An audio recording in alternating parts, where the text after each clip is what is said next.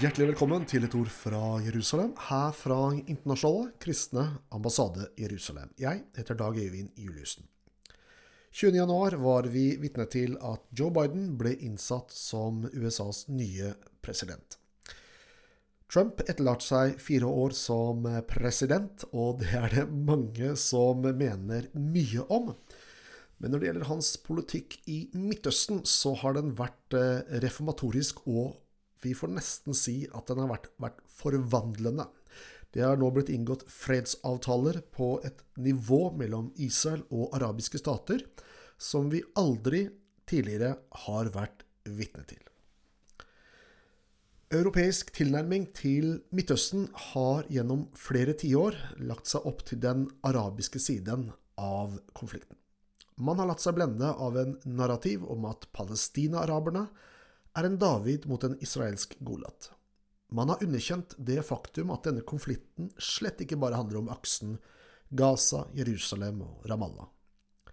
Denne konflikten har siden Israels gjenopprettelse i 1948 blitt båret frem av fiendtlige stater i regionen, internasjonal storepolitikk samt islamistiske og sekulære terrororganisasjoner som har hatt som erklært målsetning å utslette Israel. Å hevde at dette bare handler om Israel og palestinaraberne, er å se konflikten gjennom et nøkkelhull. Tidligere har Den arabiske ligas styrke vært oljen. Dette ble med all tydelighet illustrert da OPEC i 1973, i kjølvannet av Jom Kippur-krigen, krigen mellom arabiske stater og Israel, hvor da OPEC valgte å øke råoljeprisene med 70% fra 3 dollar til 5,11 dollar per fat. Samtidig skal de ned på produksjonen med 5% for hver av de følgende månedene inntil Israel hadde trukket seg tilbake fra områder de hadde inntatt i krigen. Vedtaket ble fattet etter forslag fra Kuwait. Det ble også innført total leveringsstopp til bl.a. Nederland og USA. 1.1.1974 økte OPEC-prisene til 11,65 dollar per fat.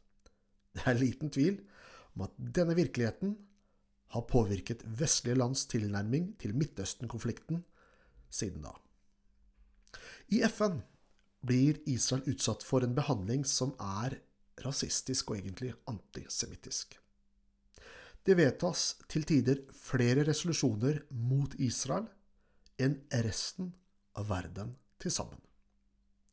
Det er selvsagt uakseptabelt. Likevel protesteres det ikke fra et eneste europeisk land. EU har bidratt med milliarder inn til de palestinske selvstyremyndighetene.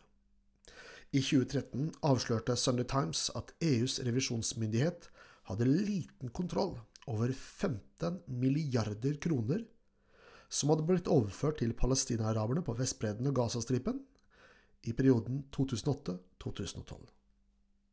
Alle er kjent med at PA glorifiserer terror og lønner terrorister som sitter dømt i israelske fengsler. Likevel fortsetter europeerne med sine enorme overføringer til PA. At Iran, Hizbollah, Hamas, PLO, islamsk jihad osv. er svorne fiender av Israel, det vet vi. Men at Europa med sin historie kan opptre slik de gjør, ja, det er virkelig forkastelig. Også her i Norge har man tatt del i den samme tilnærmingen. Hvorfor er det ingen konsensus eller enighet om å flytte Norges ambassade fra kystbyen Tel Aviv til den riktige hovedstaden Jerusalem. Ingen andre stater eller suvereniteter har noe rettmessig krav på byen Jerusalem. Tvert imot er denne byen en del av det området som av det internasjonale samfunnet ble gitt som et hjemland til det jødiske folk. De som vil flytte ambassaden, har gitt araberne vetorett i saken.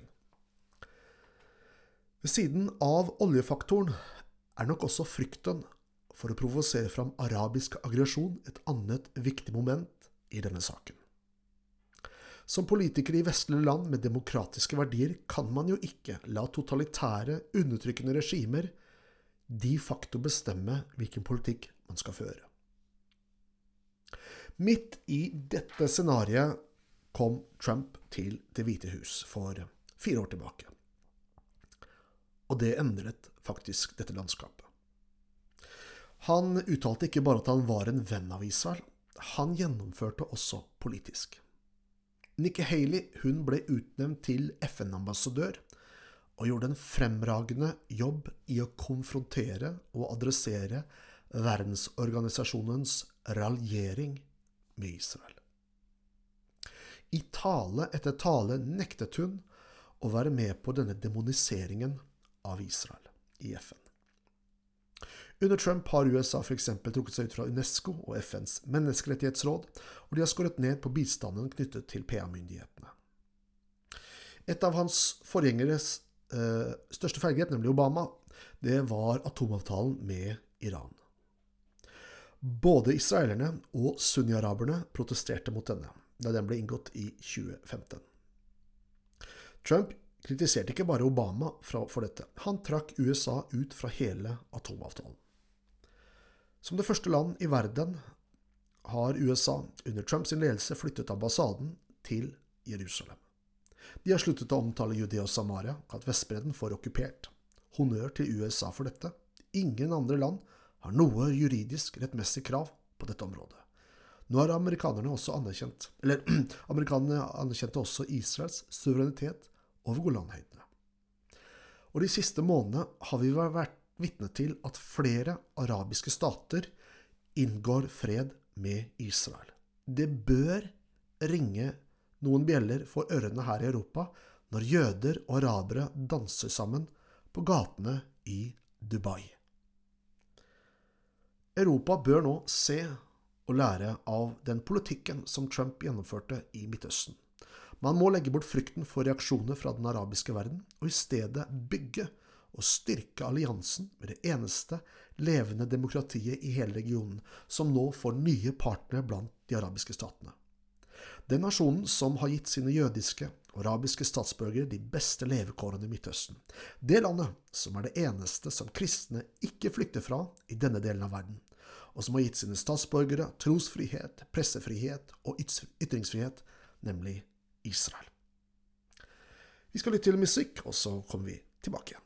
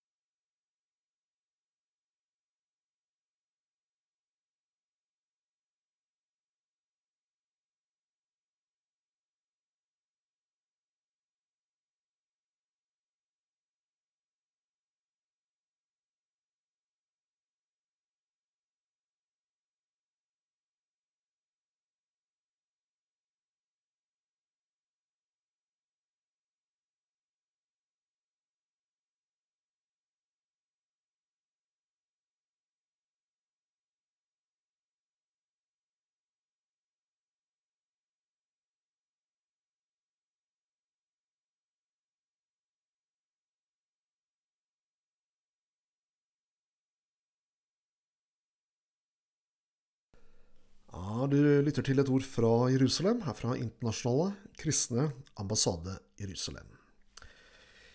I Bibelen i profeten Jesaja, kapittel 62, vers 6 og 7, så står det slik. På dine murer, du Jerusalem, setter jeg vektere. De skal aldri være stille, verken om dagen eller om natten.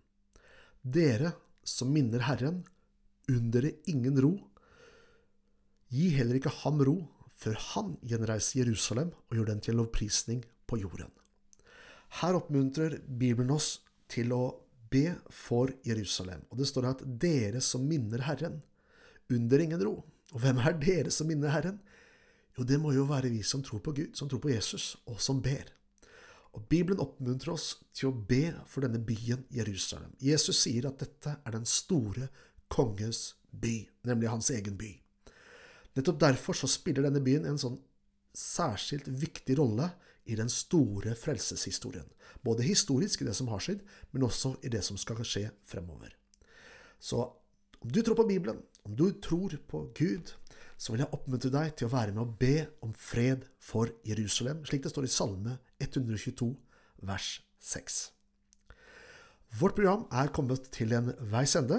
Du har lyttet til et ord fra Jerusalem, fra Internasjonale kristne ambassade Jerusalem. Jeg heter Dag Øyvind Juliussen og ønsker deg Guds rike velsignelse.